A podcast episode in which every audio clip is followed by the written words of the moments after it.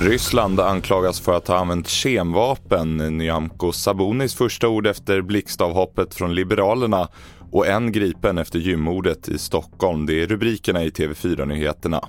Vi börjar i Ukraina där Storbritannien och Australien nu utreder anklagelser om att ryska styrkor ska ha använt kemvapen i den belägrade staden Mariupol. Vi hör utrikesreporter Johan Fredriksson på plats i Odessa i Ukraina kommentera de här uppgifterna. Det är ju då västliga underrättelsekällor som länge har varnat för att eh, Ryssland eventuellt kommer att eh, ta i bruk kemvapen. Samtidigt så är det ju väl det mest troliga att vi aldrig någonsin kommer att kunna få det bevisat och fastställt så länge ryska trupper behärskar de här områdena. Det gäller ju även andra krigsförbrytelser. Vi kan inte räkna med att Ryssland kommer att eh, släppa in vapeninspektörer eller andra utredare i de här områdena. Mer om utvecklingen i Ukraina på tv4.se. En man i 20-årsåldern greps igår misstänkt för mordet på en man i 55-årsåldern på ett gym i Vasastan i Stockholm i slutet av mars. Åklagaren vill i nuläget inte säga mer än att utredningen fortsätter med bland annat förhör, men inga ytterligare gripanden är planerade.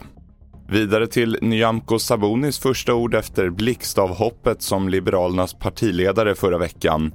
Det var bland annat den interna splittringen i partiet som bidrog till att Sabuni lämnade posten.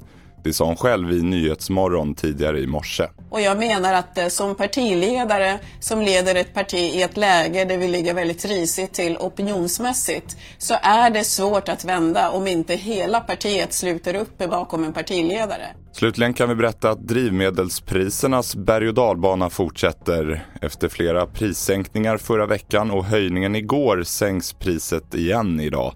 Bensinen sänks med 20 öre litern till 20 kronor och 39 öre och dieseln sänks med 10 öre litern till 24 kronor och 2 öre.